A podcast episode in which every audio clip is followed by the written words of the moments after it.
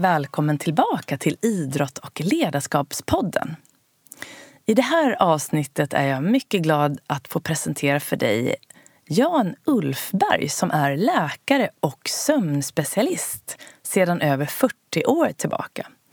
Så jag tog såklart tillfället i akt att fråga om allt vad jag kunde hinna med vad gäller just sömn eftersom det här med sömn är något som över hälften av Sveriges befolkning har lite svårt för då och då. Och det här är också ett eh, problem som faktiskt ökar i samhället. Så jag frågar honom mycket om till exempel hur mycket vi egentligen behöver sova. Vad betyder djupsömn? Och varför sover vi egentligen sämre och sämre? Men framför allt då, hur ska vi göra för att sova bättre? Och Jan har ju då forskat på det här i så många år så hans lärdomar och kunskaper är otroligt djupa. Och eh, han tar också upp just det här med vad sömnproblem egentligen betyder. Alltså vad är det som gör att vi får sömnproblem rent fysiologiskt? Och sen var det också intressant att få reda på det här med om du är nattuggla eller morgonlärka. Är det här någonting som du så att säga är född med? Eller är det någonting som är inlärt och kan vi påverka det här? Så känn dig varmt välkommen, luta dig tillbaka, ta några djupa andetag och sug nu i dig den här viktiga kunskapen. Och på slutet av avsnittet så ger jag dig några tips och råd på hur du själv kan gå vidare med lite mer specifika övningar eh, som jag själv då har tagit med mig genom åren. Både från läkare, specialister men också från egna erfarenheter av att under perioder tidigare i mitt liv också har varit en person som sov dåligt men som nu sover väldigt bra. Så välkommen till slutet av avsnittet. Men nu som sagt, luta dig tillbaka och eh, nu kör vi.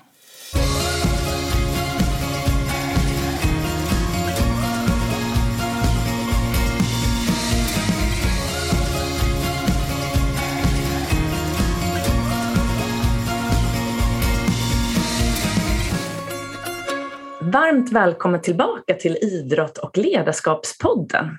Idag är jag mycket glad att få presentera min nästa gäst för dig, nämligen läkaren, sömnforskaren och författaren Jan Ulfberg. Jan är läkare sedan 1973 då han tog läkarexamen vid Uppsala universitet. Och ganska snart därefter disputerade han med avhandlingen Sleep Disorder Breathing at Work. Idag driver jag en läkarpraktik och är specialistläkare inom invärtes sjukdomar och sömn. Och han är auktoriserad sömnspecialist inom det som kallas European Sleep Research Society. Han driver företaget Cirkad som även har ett förlag där böcker ges ut inom områden som är kopplade till hälsa och sömn. Jan var med vid uppstarten av sömnklinikerna vid Avesta lasarett, Tynset sjukhus i Norge och vid Capio läkargruppen i Örebro. Ulfberg är också en internationellt känd sömnforskare och har publicerat nära 70 vetenskapliga artiklar, i huvudsak då kring sjukdomen Restless Legs Syndrome. Och han ger regelbundet råd och behandling om sömn till patienter. Varmt välkommen hit Jan! Ja, tack så mycket, tackar! Är det något som du tycker att jag har missat i min presentation som du vill lägga till? Nej, det är helt okej. Okay. Det går bra. Ja, vad bra. Så det ska bli väldigt spännande att prata med dig om det här viktiga och stora ämnet sömn idag. Men jag tänkte börja lite med en lätt fråga som jag brukar säga. Vem är egentligen Jan Ulfberg? Ja, det är egentligen ingen lätt fråga. Jag brukar skoja om det, att det inte är så lätt egentligen kanske. Att, eh, jag tror de flesta människor kanske inte vet innerst inne vem man är. Va? Utan, eh, men jag har eh, hållit på många år med sömn, sömn och sömnforskning och all vanlig sjukvård också. Och, alltså ett stort intresse då kring, kring medicinsk vetenskap. Och det är väl för att jag kanske är lite mer nyfiken än många andra. Då, för att alla forskar ju inte som är läkare. Men jag har gjort det under många år och sömnen kom jag in på som ett ämne på 80-talet redan för att eh, jag träffade ju väldigt många patienter på den tiden som klagade över sin sömn och var väldigt trötta och hade dålig energi på dagarna. Och jag såg det då, då för mer än 30 år sedan att, att eh, kunskapen var väldigt eh, dålig gäller sömn i hela världen. Då, så att jag kände att det kanske man skulle kunna börja jobba med för att få lite mer kunskap. Dels personligen och även kanske bidra med någonting då, i den vetenskapliga världen. Just det. Och idag är du verksam i Örebro, eller hur ser din eh, dag ut nu för tiden?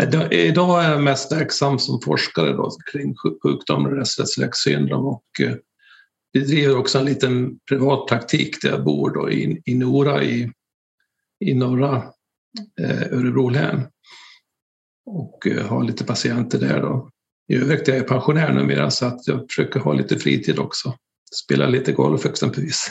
Ja, härlig, härlig vardag med golfen. Absolut, i alla fall just den här, den här årstiden. Ja, precis. Och ehm, så när du kom in på just eh, sömn som specialistområde, hur blir man liksom specialist inom just sömn, alltså när man kallas sömnspecialist? Eh, det tar ganska många år att bli det faktiskt. Man får, måste hålla på med, med mycket sömnforskning och ha mycket patienter under ett flertal år och undersöka dem med speciell metodik. Och eh, så får man söka om det här för att eh, det finns inte i Sverige egentligen utan man får söka på europeisk nivå. Det är EU då som har regler kring hur man ska kunna bli sömnspecialist. För att faktum är att här i Sverige då så är vi cirka 30 000 läkare idag men vi är nog bara 10-15 läkare som har den här specialiteten i landet. Så vi är mm väldigt få alltså, som, som har, har den bakgrunden. Det finns en del som har specialitet också. De är, har andra yrken. Då. Så att eh, det är ganska, vi är ganska eh, få då och eh, ja, jag hoppas vi blir fler, flera men mm. det är väl, tyvärr är det ganska få av mina kollegor som är intresserade av området. Mm. Det bekymrar mig lite grann. Ja, och ändå är det ju så vanligt bland eh, gemene man, alltså bland eh, Eh, medborgarna så att säga. Jag tror att jag har läst siffror nästan på uppåt 70 eh, procent ibland som då och då har upplevt någon form av sömnproblem och att var tredje kvinna upplever sömnproblem eh, ja. någon gång genom sitt liv. Så det är en jättehög siffra. Ja, absolut, alltså det är ett jättestort problem då bland människor, i, inte minst i vårt land och här i västvärlden. Då.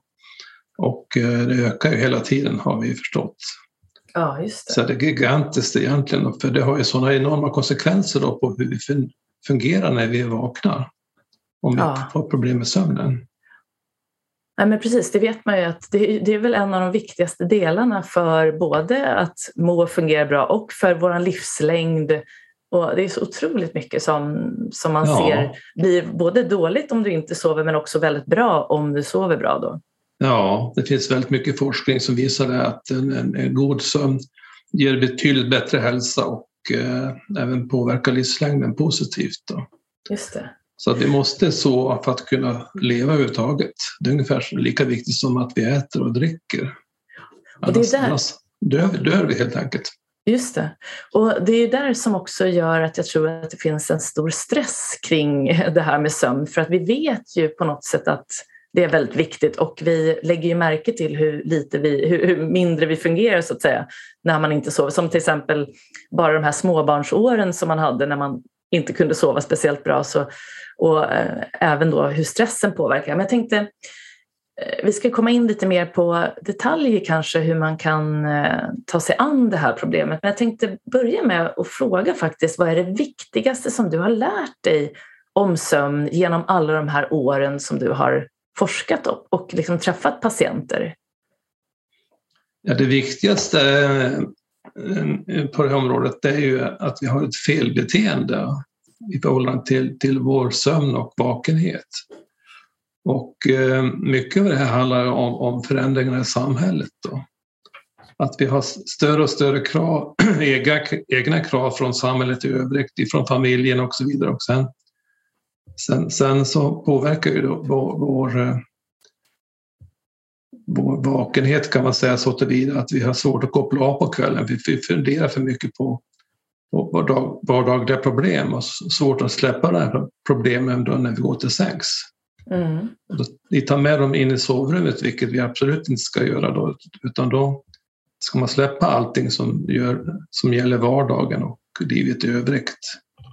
Och, eh, annars får vi problem att somna helt enkelt. Jag brukar säga det att om du ska göra någonting imorgon som är viktigt för dig, skriv ned, skriv ner på en lapp då och lägg lappen i, i köket så vet du att eh, du har inte glömt det här problemet när du vaknar imorgon. Utan då kommer vi kunna läsa om det här och veta vad du ska göra under morgondagen. Just det. Det där är ju att liksom få ner det man tänker på på papper så att det liksom på något sätt rensar bort då lite grann från, från hjärnan. Ja, då kan man kanske få, få ett lugn då kring, kring de problem och projekt man har omkring sig. För de ska man absolut inte ta med in i sovrummet. Just det. Och vad, så vad är det som har gjort att, som du nämnde nu också, att, att du ser att det ökar sömnproblemen i samhället och att det också har ökat då de här senaste åren. Vad skulle du säga är då, du nämnde det här med att det är ökade krav, men vad tror du är det som gör att det fortsätter öka så att säga? Eh, ja, alltså vi umgås mer och mer eh, kring information då i media, vad som händer i samhället och får mer och mer tv-kanaler, och mer filmkanaler och informeras om det här då i media, tidningar på tv. Och det skapar då en stress va? att försöka hinna med allt som, som man tipsas om så att säga och förväntas titta på. Mm. Vilket ingen människa hinner naturligtvis. Och eh, sen kraven ifrån samhället i övrigt. Man kanske har barn i skolan, det finns krav på att barnen ska prestera på ett bra sätt. Kraven i arbetslivet, att man ska, kanske ska göra karriär och eh, förbättra sin situation på den fronten. Kraven i, i, inom relationen man har, det ökar hela tiden. Mm. Som människor hamnar i en väldigt svår situation då stresssituation kring, kring det här som händer. Och jag tror att det, eller inte vad jag tror, utan man vet att det bidrar till, till att vi har svårt att koppla av på kvällen helt mm. enkelt. Mm. Och, och, vi vill, vakna, vill vara vakna en längre tid också för att hinna med alla dessa serier och filmer som vi bombarderas av, vill jag påstå, via olika tv-kanaler och, och eh, så vidare. Och det är ju att vi ägnar för lite tid åt sömn helt enkelt. Man vet också att genom forskning att vi sov cirka en timme mer för cirka hundra år sedan. Och den timmen har ju förlorats då och eh, den har stor betydelse för att man måste sova en viss antal timmar per natt för att man ska kunna må bra och fungera. Just det, och så hur många timmar, det här tycker jag man hör lite olika om, men hur många timmar har man sett är viktigt för genomsnittet att sova per natt? Eh, genomsnittet eh, för en vuxen man ligger runt sju timmar då, sammanhållen sömn. Kvinnan behöver cirka en halvtimme mer faktiskt av någon anledning, men man vet inte varför, men vi är olika på många olika sätt rent biologiskt. Och 90 procent av, av eh, mänskligheten ligger med sömn, sömnbehov mellan 6 till 9 timmar per, per dygn, 90 procent av oss. Så att det innebär att en del kan klara sig med sex timmar och en del behöver nio timmar. Mm. Men det innebär att 10 procent av oss är så kallade outliers här. Då, så att det finns faktiskt patienter som, eller personer kan jag säga, man är inte patient, alla är inte patienter utan klarar sig med tre, fyra timmar. Aha. Och där har vi faktiskt en del, en del statsmän, då, statspersoner som har klarat sig med det korta sömnbehovet. Och då kan jag förstå varför att, att vara premiär, premiärminister i England som Margaret Thatcher var på sin tid i tio år. Det är en väldig bedrift med tanke på hur det ser ut där med, med, med väldigt kraftig mediebevakning. Men det gjorde hon. Hon sov cirka tre timmar per natt. Ja, det var så. Så hon var en av de här outliers då kan man säga? Ja, det var hon. Hon var kort, kortsovare som vi kallar det. Ja. Hon var väldigt och, högpresterande då för att hon hade tid då på natten att läsa in dokument och förbereda sig för debatter och så vidare. Hon var ett bra exempel tycker jag. Just det. Och hur märker man, om man tänker, det finns ju vissa som kanske sover för lite då egentligen, men hur märker man att man klarar sig på så pass eh, kort tid? Är det att man då känner att man mår och fungerar bra även om man sover lite eller finns det några andra signaler? Så att man liksom inte börjar sova för lite om man inte är en outlier så att säga. Exakt, det, ska man, det, det, det enda man kan göra är att man måste gå till sig själv och känna hur man mår. En sån person som hon då mådde säkert, hon är ju eh, avliden nu, men hon mådde säkert väldigt bra, fungerade bra tyckte hon och hade inga problem med det här. Men är man inte en kortsovare och sover tre, fyra timmar och man är trött och sover på dagen och inte fungerar, då har man absolut fått för lite sömn, betydligt mindre än man behöver. Så då måste man nog gå till sig själv och känna efter. Just det. Och då undrar jag, hur skulle du då definiera egentligen sömnproblem till att börja med? Hur vet man att nu, nu är det liksom någonting jag behöver ta tag i så att säga?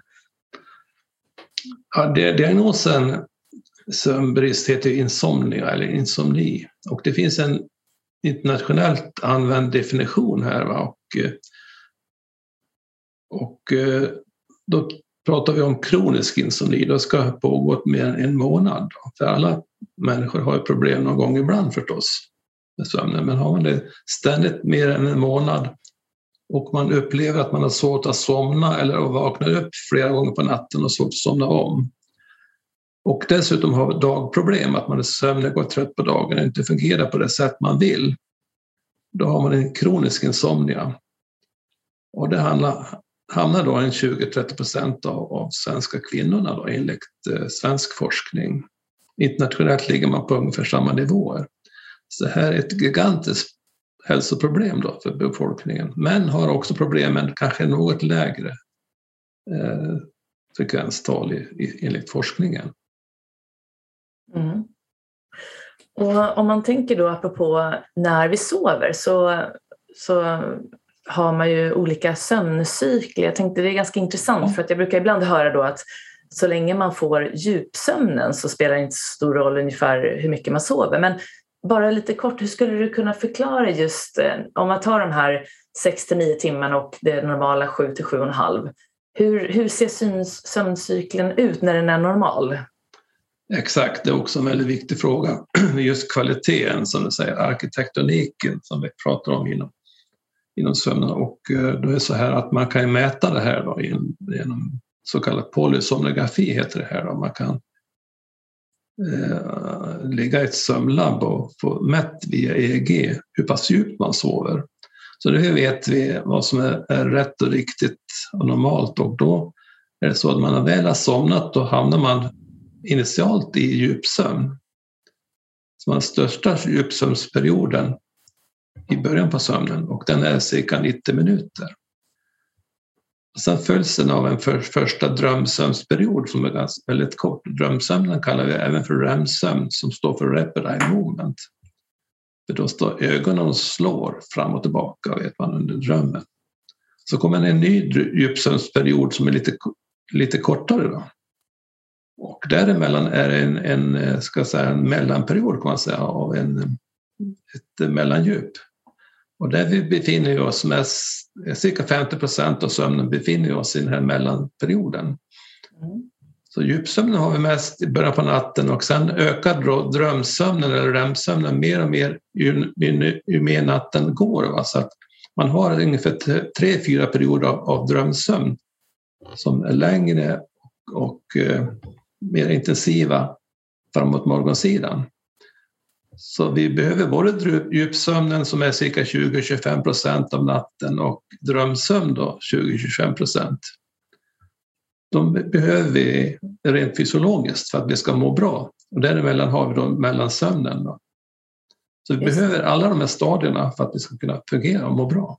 Och det där sker då automatiskt kan man säga när vi då har en normal sömn. Då, då blir det så. Ja, är det en normal sömn, då, vilket de flesta ändå har, då ser det ut så på det sättet hos en vuxen person. Men sen när vi åldras, då förändras det här. Alltså, då får vi mindre djup sömn, kortare sömn. Och barnen har mera, mera djupsömn och drömsömn än en vuxen, då, så att det förändras lite grann under livets gång. Just det. Och, och när det, spelar det någon roll när jag går och lägger mig på kvällen, apropå djupsömnen? Till exempel, jag har hört någonstans att du vet den här skönhetssömnen då ska vara om du lägger dig före ungefär vid tio på kvällen till exempel och sen kommer då nästa chans att då få komma in i den här djupsömnen är inte förrän kanske två på natten. Men hur, vad skulle du säga om tiden när man går och lägger sig på kvällen? Ja, det där är också väldigt individuellt då kan man säga. Vi, vi har en eh, egen biologisk klocka som styr oss. Så att, eh, det ska man nog känna själv när man, när man blir sömnig och de flesta blir väl sömniga mellan 10 och halv 11 ungefär, de vuxna, och då ska man försöka gå och lägga sig och sova. Det är ingen vits att gå och lägga sig klockan 9 om man inte är sömnig, så kan man inte somna. Och man ska definitivt inte försöka vara uppe och, och eh, streta emot sömnbehovet, utan man ska ta emot sömnbehovet när det kommer. Sen om det har att göra med skönhet och så vidare, det, det, vet jag ingenting om. Mycket är det myter också. Ja, precis. Men, eh, nej men precis, så, så det där är som sagt individuellt om du är en person som är kanske van att vara uppe senare på kvällen ja. eller om du är en person som är van att gå upp tidigt på morgonen. Exakt. Det, så det spelar det, egentligen ingen roll för sömnen utan man lyssnar på sin egen inre klocka då kan man säga? Eller? Exakt, ja, precis. Mm. Man pratar om nattugglor och morgonlärkor i det här sammanhanget. Just det, precis. Är man då en nattuggla så Eh, då kan man inte ändra på sitt beteende där. Då. Men, nej, eh, det, mm. nej, utan man, man, är där man är. Då. Men, men eh, forskning har ju visat att de som är morgonlärkor, de, de brukar gå och lägga sig ganska tidigt. Då.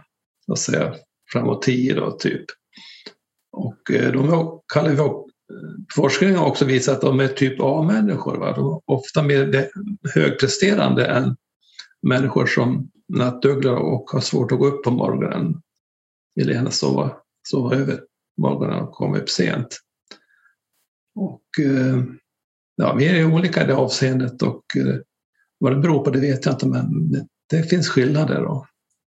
Tror du att det där är inlärt så att säga? Att man till exempel när man börjar i skolan och så börjar man då man går upp tidigt eller man sover, man vill sova länge. Eller tror du att det är som det är från början så att säga, att vi har det här mönstret bara för att vi är den individ vi är? Ja, delvis är det väl inläggt, men det är väldigt svårt utan vi har en stor biologisk variation som vi måste förhålla oss till, till en del i alla fall, som vi inte kan ändra på. Men vi ska påverka lite grann, det kan vi göra. Just det. Och om vi nu går tillbaka till det här att vi vet ju nu då att sömnen är så otroligt viktig och kvaliteten på sömnen också såklart jätteviktig som då kommer naturligt. Så att kroppen vet ju då egentligen hur den ska göra för att sova. Det är ju någonting som vi har biologiskt och som egentligen inte är svårt för kroppen. Den, den kan sova, eller hur? Men, ja men så helt plötsligt så blir det då så här att du inte kan sova. Man får de här sömnproblemen det, det, är inte bara liksom då och då utan det, det, det hänger i och, och, det kan hålla på i flera veckor så att det blir då det här som kallas sömnproblem. Då. Vad är det, liksom, det råd som du oftast ger till dina patienter när de kommer till dig med det här problemet? Det finns två olika principer då, som man måste försöka förhålla sig till, till i första hand. Och det ena är sömnhygien. Och, eh, viktiga principer är då att man har, om man har de här problemen då, då måste man se till att man går upp samma tid varje morgon och även helger. Typ klockan sju på morgonen och eh, försöka gå och lägga sig ungefär vid samma tid. Det är en sak. Och sen ska man absolut inte sova någonting på dagen. Man har svårt att sova på natten. Man får inte ta tupplurar på, natt, på, på dagen exempelvis, som vissa gör. Och sen måste man ju tänka på att eh, man måste försöka varva ner på kvällen då, att inte sysselsätta sig med någonting som är aktiverande. Så man ska inte titta på några spännande filmer och sådär som man nämnde alldeles nyss då inte. Utan hålla på med lite monotona eh, sysselsättningar som, som gör att man varvar ner då mer och mer. Och eh, ska dessutom faktiskt undvika att, att motionera för sent på kvällen. Det är också individuellt men vissa säger absolut inte motionera fyra timmar före sängordet, andra säger två timmar. Det får man kanske känna efter själv. För just motionerandet aktiverar ju oss väldigt mycket. En sak som är viktig att tänka på det är koffein. Då. Och vissa kan vara väldigt Eh, koffeinkänsliga, alltså, ska inte dricka kaffe efter klockan tre, fyra på eftermiddagen. Och det beror på att koffeinet har en lång halveringstid. Så dricker en kopp kaffe klockan fyra så är hälften kvar klockan tio. Och det gäller även eh, andra andra drycker då, som är koffeininnehållande drycker. Att, att eh, de ska man också undvika. Och sen finns det energidrycker också. Jag vet inte om man får nämna några varunamn här, men Red Bull är en sån där känd dryck som innehåller väldigt mycket koffein. Va? Och jag vet, eh, det aktiverar väldigt mycket och ungdomarna dricker väldigt mycket av det här så kan vi väl sprida det. Så att bara ett exempel då, man ska undvika all typ av koffein kan jag säga. Just det. Och även stimulanser i övrigt förstås. Alkohol ska man ju eh, också undvika om man har de här problemen. Alltså, det är en myt att man sover bra på alkohol och det gör man ju inte utan alkoholen kan, kan göra det lite lättare att somna men, men det gör att eh, personen som är känslig för alkoholen kan vakna upp väldigt snabbt och svårt att somna om och får väldigt kort sömn. Så allt sånt, sånt där måste man tänka på. Just det, det där tror jag är ganska vanligt hos vuxna personer att du kanske upplever stress och så vet du då kanske bara ett halvt glas rödvin eller ett glas rödvin och, och då kan du få den här lugnande känslan. Så det, det kan nog säkert vara någonting som kanske möjligen kan öka då om du upplever sömnproblem. Men hur ska, man, hur ska man tänka då eftersom det är ju inget, ingen bra lösning liksom långsiktigt såklart då? Nej, utan eh, eh, som sagt, vad har man sömnproblemen där, här nu då, som, då, då, då, skulle jag vilja säga att man ska ta det här glaset rödvin kanske, ja, kanske fyra timmar innan man går och lägger sig. Då. Och, eh, då, då har det hunnit gå ur, alkohol, alkoholen har ju hunnit gå ur då. Just det. Till, till sen gåendet. Absolut. Så apropå det här med hur det blir då, eh, som, som vi pratade om från början här, att det är kraven i samhället och man upplever den här stressen av att mer idag då kanske än tidigare att prestera både hemma med familjen och barnen ska prestera och så ska du själv också då prestera på jobbet. Och, och det finns den här, det är svårt att liksom undvika att haka på den här samhällsbilden. Men då skapar det en stress och då höjs spänningsnivån i kroppen och till slut kan då kroppen inte riktigt hantera det här. Men hur, vad skulle kunna vara något man kan göra under dagen för att så att säga hålla den här grundspänningen låg när det gäller, jag tänker på avspänningsträning. Har du något tips, någonting som du ser fungerar extra bra där eller något, något råd du brukar ge apropå dagen? Nej, men det, det tycker jag låter bra, alltså just det här med avspänningsmetodik och, och eh, det finns väldigt många olika sådana behandlingsmöjligheter. Men, men det är inte jag någonting, ingenting som jag har tittat på närmare men, men, men jag har läst om att eh, det, det kan säkert fungera väldigt bra i vissa fall. Så det kan man absolut pröva.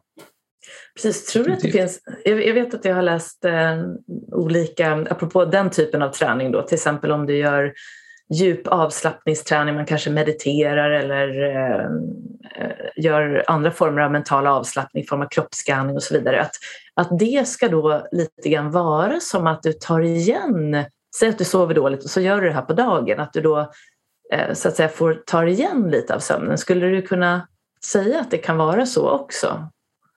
Nej, det kan jag inte säga att, att, att jag har sett några uppgifter på att man, att man ta, kan ta igen sömn. Man har på liksom en sömnskuld. Då. Just det. Och eh, den har sina negativa effekter på kropp och hjärna i övrigt. Då. Men, men man tar igen sömnskulder så tillvida att man kan sova mycket mer natten därpå då, och djupare. Så att så kan man må bra igen dagen därpå. Då. Just det, så kroppen tar oftast igen den där sömnskulden då, eh, kanske några dagar senare eller dagen efter eller natten ja, efter? Ja, det, det, det, gör vi. Just det. Men det problemet är då för de som har så kallad kronisk insomnia, de får ju aldrig tillfälle att ta, ta igen sin sömnskuld. Utan vi människor som har sömnproblem ibland, vi tar igen sömnskulden kanske efter en eller två nätter. Det gör vi. Just det. Så de som har då kronisk insomnia, vad, hur, då har du ju säkerligen botat flera av dem. Hur har den processen sett ut? Vad har de, hur lång tid har det tagit och vad har de fått göra för att komma tillbaka till sin normala sömn?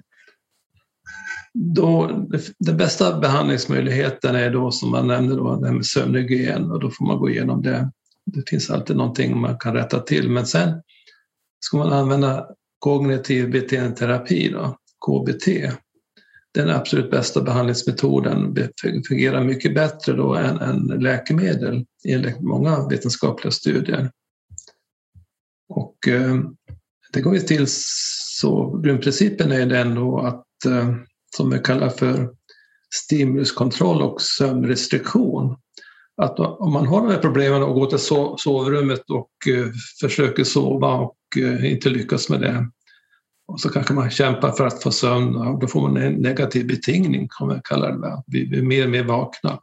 Då går man till ett annat rum och sitter där och kanske gör någonting lite halvtråkigt, ändå man måste tänka lite grann. Typ eh, lägga patiens brukar tipsa om med, med kort och inte på datorn.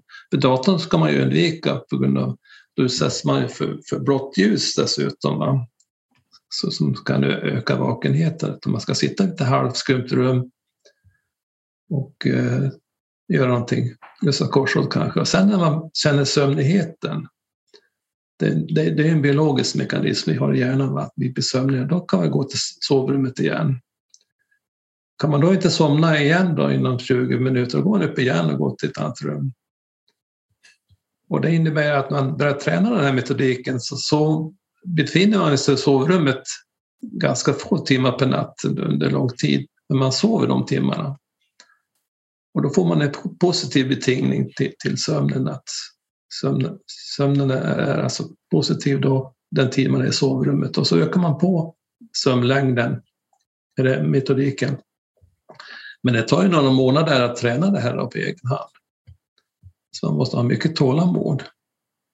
Precis, det var det jag tänkte säga. För jag, vet, jag hade ju sömnproblem och haft det i perioder och det är därför jag är så intresserad här idag. För att eh, just när jag gick till eh, läkaren första gången för det här, då sa ju han också att det här tar tid. Så att när kroppen har kommit in i den här stressen och eh, sömnproblemen har dykt upp och, och då hade jag då upplevt det kanske fyra veckor minst. Och då, då sa han det just att det är viktigt att man, det här går inte från en dag till nästa bara för att eh, jag fick reda på vad jag skulle göra utan att man skulle ha stort tålamod och låta det ta sin tid. Och det för mig hjälpte också för att slippa den där stressen. Och sen att han också nämnde just det här att kroppen kommer att sova och den sover när den behöver sova. Så att, att på något sätt få någon form av lugn och tillit till kroppens ja. förmåga att kunna sova själv.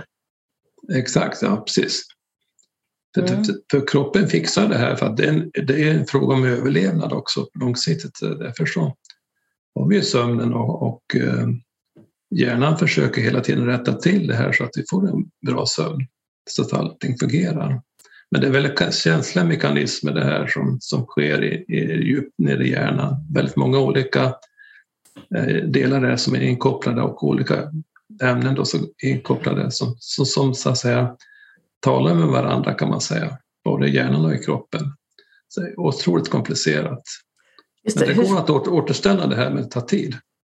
Just det. Och, och jag brukar, man hör ju oftast om det här vårt stresssystem, då, vårt försvarssystem, att eh, apropå stress, att kroppen får signaler då för att Eh, vara i det här eh, försvarsläget så att den har svårt att slappna av för att den tror att den måste vara beredd hela tiden. Så att om du då skickar lugnande signaler i form av till exempel andningen, att man andas långa djupa andetag, då kan det lugna kroppen för att få den att somna bättre. Hur skulle du säga om den typen av eh, andningsövningar, då, långa djupa andetag innan när man väl ligger i sängen, när kanske den där orostanken börjar komma tillbaka?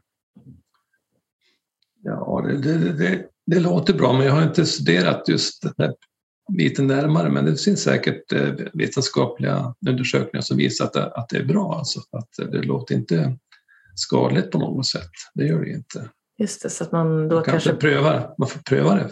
Man får pröva sig fram här hela tiden. Och det är ingenting som är quick fix va? som fungerar på alla heller utan det är hela tiden eh, sökande efter en metod som eh, passar den, enskilda individen. Just det, du säger, det är väldigt viktigt där tror jag som, du, som vi har pratat eller som du har nämnt flera gånger att lyssna på sig själv och lyssna på sin egen, sitt eget, eh, sin egen kropp och mår jag bra och, och att vända den där blicken inåt så att säga. För att kanske också om vi ska backa lite grann börja lägga märke till hur eh, mitt liv kanske börjar bli lite i obalans innan de här sömnproblemen dyker upp. Ja, absolut. Ja. Så att du till exempel om, om man då är noga med att lägga märke till signaler av stress, vad skulle det kunna vara för signaler som man ska vara uppmärksam på för att i förebyggande syfte då sova, låta det bli bara en eller två nätter men inte mer? Ja, det är en svår fråga naturligtvis, men första signalen är ju den att man har svårt att koppla av på kvällen. Man kommer hem från jobbet och det är kanske mycket att tänka på då också, framförallt om man har familj och läxläsning och så vidare. Så att, eh, jag tror inte det är helt lätt alltså att lyssna på sig själv heller, för man är inne i liksom ett ekorrhjul. Precis, det är det. Men att försöka ändå lägga märke till den typen av att eh, man kanske börjar bli lite irriterad och eh, bli lite orolig och att då börja liksom ta det på allvar i god tid och kanske då börja lägga in lite mer avkoppling, avslappning eh, både dag och kväll. Jo, men det är viktigt som du säger. Om man känner sig lite, lite mer lättirriterad än man brukar vara tidigare. Och framförallt om man inte känner, känner sig utsövd på morgonen då har man absolut fått för, för kort sömn och eh, kanske för lite djupsömn och för lite, lite drömsömn. Då kan man börja fundera till lite grann om det kanske är något fel på sömnen och om det finns någon bakomliggande orsak. Mm. Och eh, kan man inte hitta någon eh, direkt bakomliggande orsak som man kanske kan rätta till på egen hand och genom egen vård och har stora problem med kanske till och med bli sjukskriven. Men man vet ju också det att Eh, Eh, sömnbrist och, och olika orsaker leder lätt till, till psykisk ohälsa, depressioner och så vidare. Kanske ja, sjukskrivningar som du nämner då, och eh, behov av läkemedel. Och det kan vara sömnen då som, som den bakomliggande orsaken. Och då behöver man ju söka för det här, få hjälp av någon som som, som kan hjälpa en att undersöka saken närmare och då kanske man till och med kan få en remiss till ett sömnlaboratorium någonstans. Tyvärr finns det ganska få här i landet, då, men det finns i alla fall. Det är långa väntetider. Men mm. Hjälp finns ju att få, men det kan ta lång tid innan man får tid också. Just, och hur ska man tänka kring sömntabletter och den formen av hjälp? så att säga? För att, det är ju ingen långsiktig lösning, men om du har väldiga problem så antar jag att det är en bra metod i början, eller hur är din... Absolut. Ja. Uh, de flesta har ändå ganska kort, korta problem med sömnen som kan vara övergående men har väldigt stor negativ inverkan på familj och arbete och då kan man definitivt ta eh, en viss typ av sömnläkemedel en kort tid. Då. Och speciellt om man inte är van att ta de här sömnläkemedlen och fungerar de ju desto bättre. Var, om vi kommer ut på längre tids användning, kanske flera månader, då går ju effekten ur på de här läkemedlen och kanske man får tendens att öka dosen. Och, eh, men det gäller inte alla, utan det finns även patienter faktiskt som kan använda de här läkemedlen under väldigt lång tid, men de flesta klarar inte det, utan då effekten nu och det kan även skapa ett beroende. Va?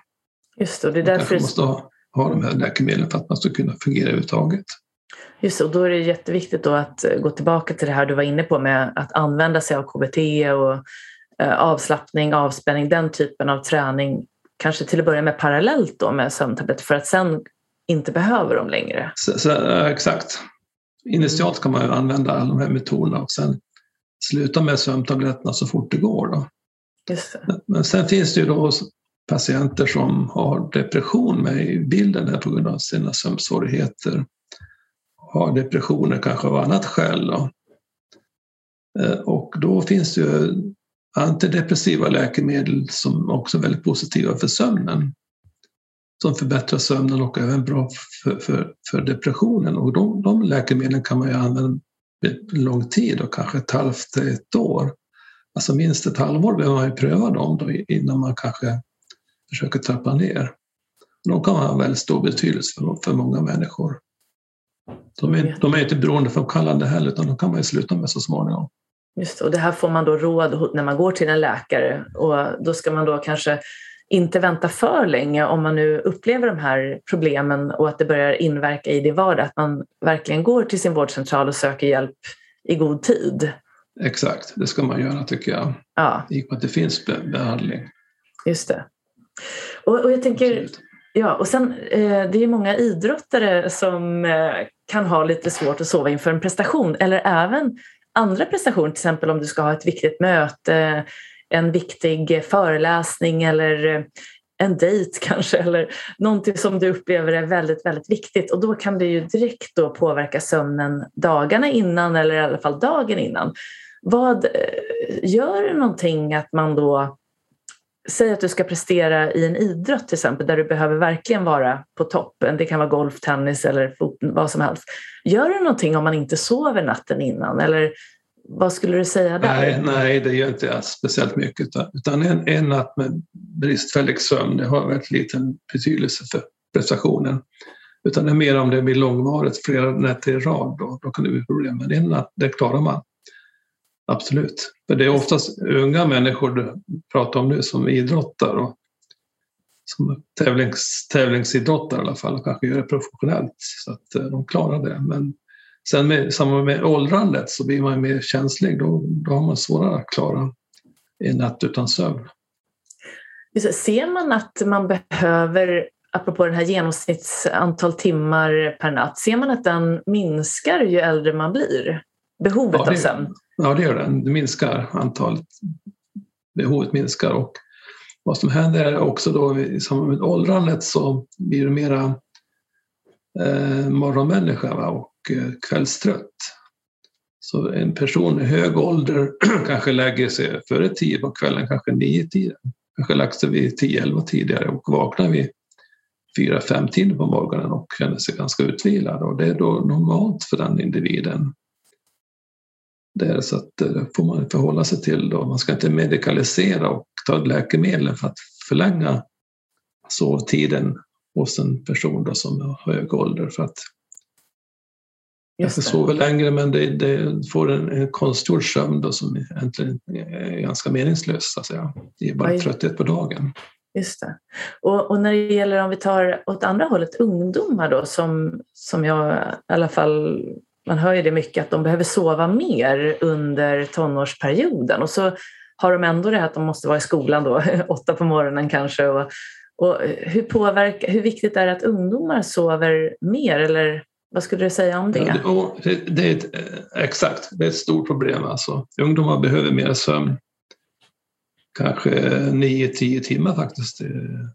Ganska många då i tonåren, första tonåren. Och eh, de flesta får ju inte den sömnen och det beror ju väldigt mycket på sociala medier förstås. Att man, att man de är uppe sent på kvällen och eh, tittar på olika program i mobilerna och på datorerna och eh, med, med eh, vänner via, via Facebook och så vidare. Allt det här känner vi ju till och det har ju ökat väldigt de sista 10-15 åren, just det här uppesittandet och kommunikationen. Och då får ungdomen alldeles för kort sömn. Ska upp tidigt och ska till skolan och det, och det vet man att det, att det påverkar absolut eh, skolprestationen. Det gör det. Men det, att, att förändra det här är naturligtvis svårt då. Att, att förbjuda en 15-16-åring att uh, titta på sin mobil efter klockan 10 typ. Ja. Ska man fixa det? Ja, men det är det som egentligen skulle vara det ja. bästa rådet då, att det är ingen mobil eller skärm efter ja. absolut senast tio på kvällen. Ja, ingen skärmtid efter tio. Ja. Nej, just det. Det är idealet. Ja, och det där är ju ändå rätt bra för jag tror att många, strä, många söker nog ändå också råd, eh, alltså framförallt föräldrar. Och sen kanske, som du säger, det är svårt att få en ungdom liksom att göra det. Men ja. ju mer kunskap de kanske också får och ju mer de känner att de själva, om man nu går till sig själv igen då och känner att man inte mår så bra, att man vet att det handlar om sömnen, så kan det finnas kanske någon motivation där då. Men det är bra att få ett tydligt råd tror jag som förälder att försöka liksom, ha de här reglerna. Speciellt när det är yngre barn, tänker jag. Då är det ju lättare att som förälder gå in och bestämma. Men, så att om du tänker, det är ju ungdomar vi pratar om, då är det tio. Men hur skulle du säga om det är barn från yngre åldrar? Vad är det där som gäller tror du? Ja, de, de, de, behöver ju ännu mer sömn och det är ju mycket mer naturligt för de yngre barnen att lägga sig betydligt tidigare på kvällen förstås. Och, eh, och det gäller då som förälder att försöka förhindra dem att komma in på sociala medier så pass tidigt i livet som jag vet vissa gör. Att det skulle vara förbjudet i princip. Mm. Om det nu går att, att uh, fixa en familj, det tror jag är svårt men, men, men uh, de har ju naturlig sömn kanske vid 8-9 på kvällen. Just det. Ett barn i, i tidig skolålder. Och det, det kan ju ändå vara bra om man då får in den där rutinen tidigt i barnens liv att det är en regel och jag tittar inte på skärm efter den här tiden att det blir lättare ändå kanske då att ta med sig det in i liksom tonåren även om det kan bli ja. mer frestelser då apropå kompisar och sådär. Men det finns ett speciellt problem här också. Vet du, då pratar vi om, om vi var ju inne på det när det gäller nattugglor och morgonlärkor och eh, nattugglor kallar vi även för evening nest. Och eh, morgonlärke morningness. Och det, det kommer ganska tidigt i livet då att vi, vi rent biologiskt är kanske kvällsmänniskor eller morgonmänniskor och är man, är man då eveningness som ungdom då kanske man absolut inte kan sova före, somna för, för framåt 12 på, på natten. Ett biologiskt behov och det är ungefär 10-15 procent av ungdomarna som är så. De är mm. eveningness. De kan inte somna hur de än försöker. Och då är det ett problem där att de ska upp till skolan då. Då har de fått alldeles för kort sovtid. Och då vet jag att vissa skolor har tagit tag i det här så att de här eleverna får börja senare på dagen, kanske ett par timmar senare. För de kanske inte riktigt vaknar förrän framåt 9-10 tiden på, på dagen och får så, gå skoldagen lite längre. Så man anpassar skoldagen till det här behovet då som vissa har.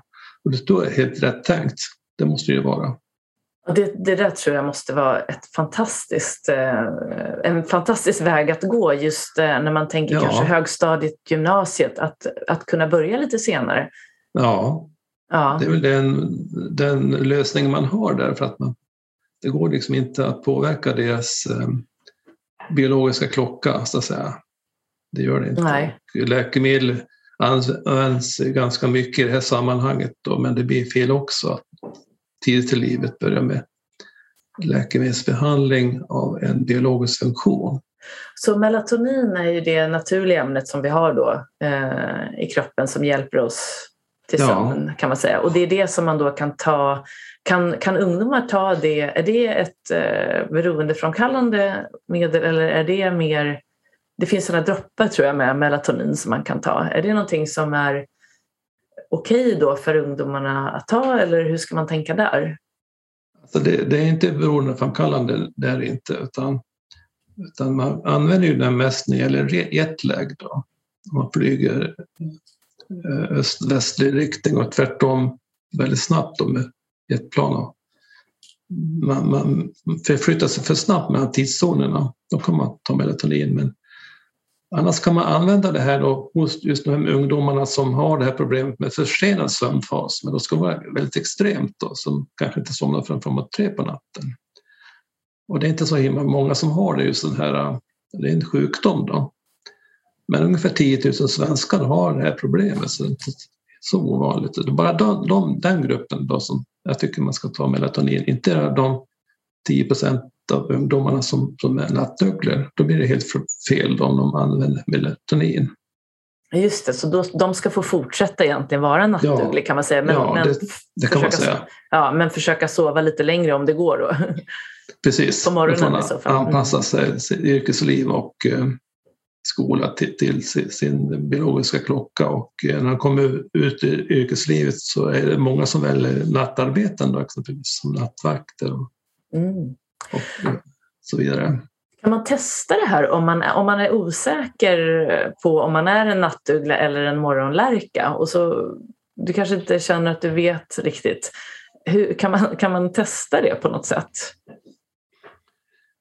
Eh, Ja, jag känner inte till om det finns något direkt eh, eh, användarsystem för att kunna gå in på några frågescheman eller så.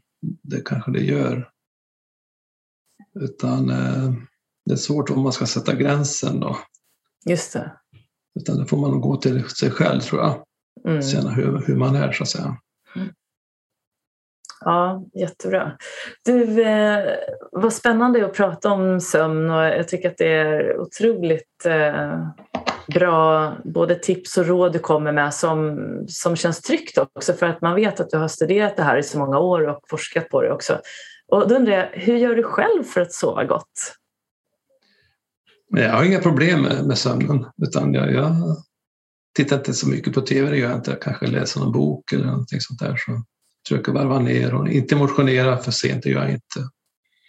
Jag tar gärna ett glas vin men kanske vid sex sju tiden på kvällen Just det. och så vidare. Och eh, går upp samma tid varje dag har jag gjort i många år. Går klockan sex varje morgon har jag gjort jättelänge. Och då känner jag mig pigg på dagen och inga tupplurar. Det går bra tycker jag. Men jag är glad, och lycklig och privilegierad att inte ha några, problem. Ja. De flesta har ju inte, har inte problem, tack och lov. Nej, just det. Så, och det här med, jag tänkte på det här med eh, aktivitet och träning på dagen. För att man vet ju att kroppen behöver röra på sig för att också ha balans. Eh, Men då, då inte för sent på kvällen. Men hur viktigt är det för sömnen att man rör sig på dagen? Det är jätteviktigt att man aktiverar, att man, håller sig vaken så mycket det går med Mm. aktiviteter och helst vara utomhus då. Så Mm. man får mycket dagsljus. Det är jätteviktigt. Behöver, du få, just, förlåt, behöver du få den här eh, konditionsträningen också för att sova bra? Alltså att du får upp pulsen? Ja, all, allt det där är jätteviktigt, att man Mm. aktiverar kroppen. Även, även, även mentalt, eh, intellektuellt då förstås. Att man även an, använder sig av att eh, läsa böcker och, och eh, intellektuella frågeställningar, problemlösningar. Det är väldigt bra. Så att, så att hjärnan får jobba helt enkelt med problem på olika sätt. Då, Som man då kan lägga från sig på kvällen. Mm. Så kropp och själ behöver hålla igång rejält på dagen. Mm. Och på vintern är det problem då, när vi har så lite dagsljus. Och då får man försöka vara ute så mycket man kan på dagen så man kan få lite sol i alla fall, för det aktiverar oss också och gör att det är lättare att sova. Just det. Och apropå böcker, du har ju skrivit en hel del böcker och många artiklar. Och så där. Finns det någon bok om sömn som du kan rekommendera till den som lyssnar som vill lära sig mer och eh, försöka sova bättre och få lite mer kunskap kring just sömn och det här vi pratar om idag? Eh, jag har en bok som jag, eh, jag var redaktör för den boken för några år sedan. Den heter Sömn och sömnstörningar. Den- tar upp alla typer av problem då, i samband med, med sömnen. Utan vi har en massa andra olika sjukdomar som är sömnrelaterade som snarkning och sömnapné och, eh, och restless med mera. Men, men den är slut på förlaget så att eh, den finns nog bara på bibliotek faktiskt. Så Den är svår att få tag på. Mm. Men det finns säkert andra också, men jag känner inte till någon, ingenting annat som har skrivits sedan dess. Då, utan det, men det finns flera som skriver böcker om sömn i Sverige på svenska. Så att det är bara att googla på det så hittar man säkert.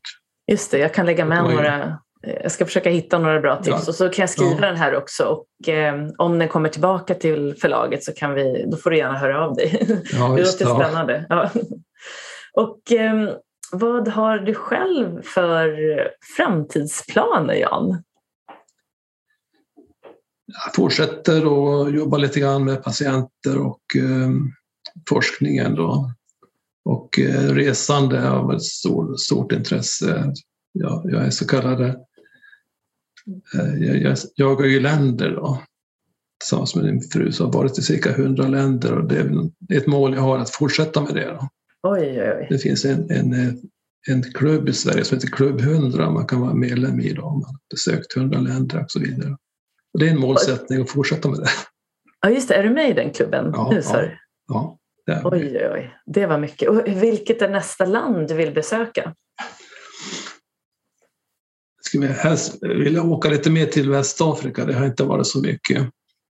Men nu är det ett problem därför att eh, de har ju inte kommit någon långt när det gäller pandemibekämpningar. Vet. Väldigt få vaccinerade där så att det, det är människorna är tvungna att gå, gå omkring med munskydd och, och mm. Eh, det är stängt överallt så det är inte något intressant och lockande att åka till ett sådant land just nu. Då. Utan just nu så, så ligger vi lågt då med resor. Förhoppningsvis så blir det bättre i hela världen så att världen öppnas upp. Då. Ja, det är det vi... har den lockelsen så är det ju. Det har gått bra i Sverige men det har inte gjort, gått så bra i andra länder faktiskt. Nej. Nej, vi håller tummarna för att det kommer att eh, bli bättre och bättre här inom en snar framtid. Att vi kan hjälpas åt också med det här med vaccin och Precis. man hittar förmågan att samarbeta. Det Exakt. hoppas vi att... Mm. Det är ett globalt problem så måste man mm. hjälpas åt inom FN, FNs ram och så vidare. Just det. Absolut, det måste vi göra. Det är viktigt. Så jag brukar avsluta den här podden med att fråga eh, min gäst om just ämnet och om du fick välja tre saker att säga till den som lyssnar som just nu drömmer om att kunna sova bra och slippa oroa sig för sin sömn. Vad skulle du säga då? Lyssna på din kropp och lyssna på dig själv kan jag säga. Och eh, försök komma fram till varför du sover dåligt. Och eh, jag tror de flesta kan nog göra det då genom att kanske läsa lite grann om det här ämnet också. Hitta mekanismerna och sen börja träna det här med som man nämnde då att, eh, äh, lämna sovrummet äh, när man inte kan sova och bara gå dit när man är sömnig. Det är nog de viktigaste huvudpunkterna kanske mm. man skulle kunna ta upp. Mm. Sen, sen ha tålamod. Att det tar månader, kanske ett halvår, ett år innan man kan förbättra en, en väldigt dålig sömn. Mm, jättebra. Jag tror just det som du sa på slutet här med tålamod. Att eh, har man inte tålamod då kan det ju så att säga öka på stressen. Så att, att jobba ja. med lugnet och tålamodet under den här resans gång då, och, och se ljuset i tunneln att du kommer sova bra igen. Och ja. med den här hjälpen som man också kan få då när det behövs utifrån. Ja, absolut, man kommer att fixa det här för det finns ju behandling på, på, på olika sätt. Man måste ha för, förtröstan på det. Alltså. Och på förtröstan att det kommer att bli bra. Man måste, måste ta hjälp av tiden. Ja, tack snälla Jan för att du var med idag och pratade om det här viktiga ämnet. Jag hoppas verkligen att det här kan hjälpa många, många som lyssnar till att eh, dels få en tillit till att eh, det kommer att ordna sig och också tips och råd till vad du kan börja göra för att sova bättre och också ta till ta, ta till hjälp om, man, om du märker att du hamnar i den här perioden av att det inte riktigt går över. Så det har varit otroligt värdefullt eh, Jan och jag är så tacksam att du ville vara med och dela med dig av dina otroliga kunskaper och dina erfarenheter inom, som specialist men också genom livet här vad du har delat med dig av idag. Tack ska du ha. Jättetrevligt att vara med här. Lycka till i fortsättningen med programmet. Ja, tack så jättemycket. Tack. Det var trevligt. Tack.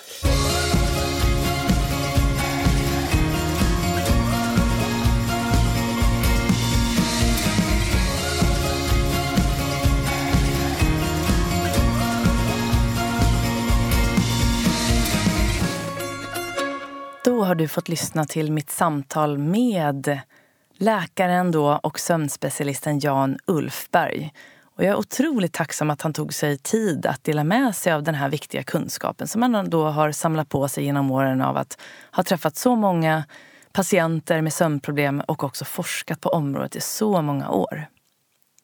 Och eh, som jag nämnde där i början av avsnittet så har jag då flera egna tips och råd som har samlats på sig, eller som jag har samlat på mig genom åren. Och eh, jag började egentligen själv sova dåligt för första gången 2001 var det. Och det var när jag hade jag var i Sydafrika och tävlade på sydafrikanska golftouren.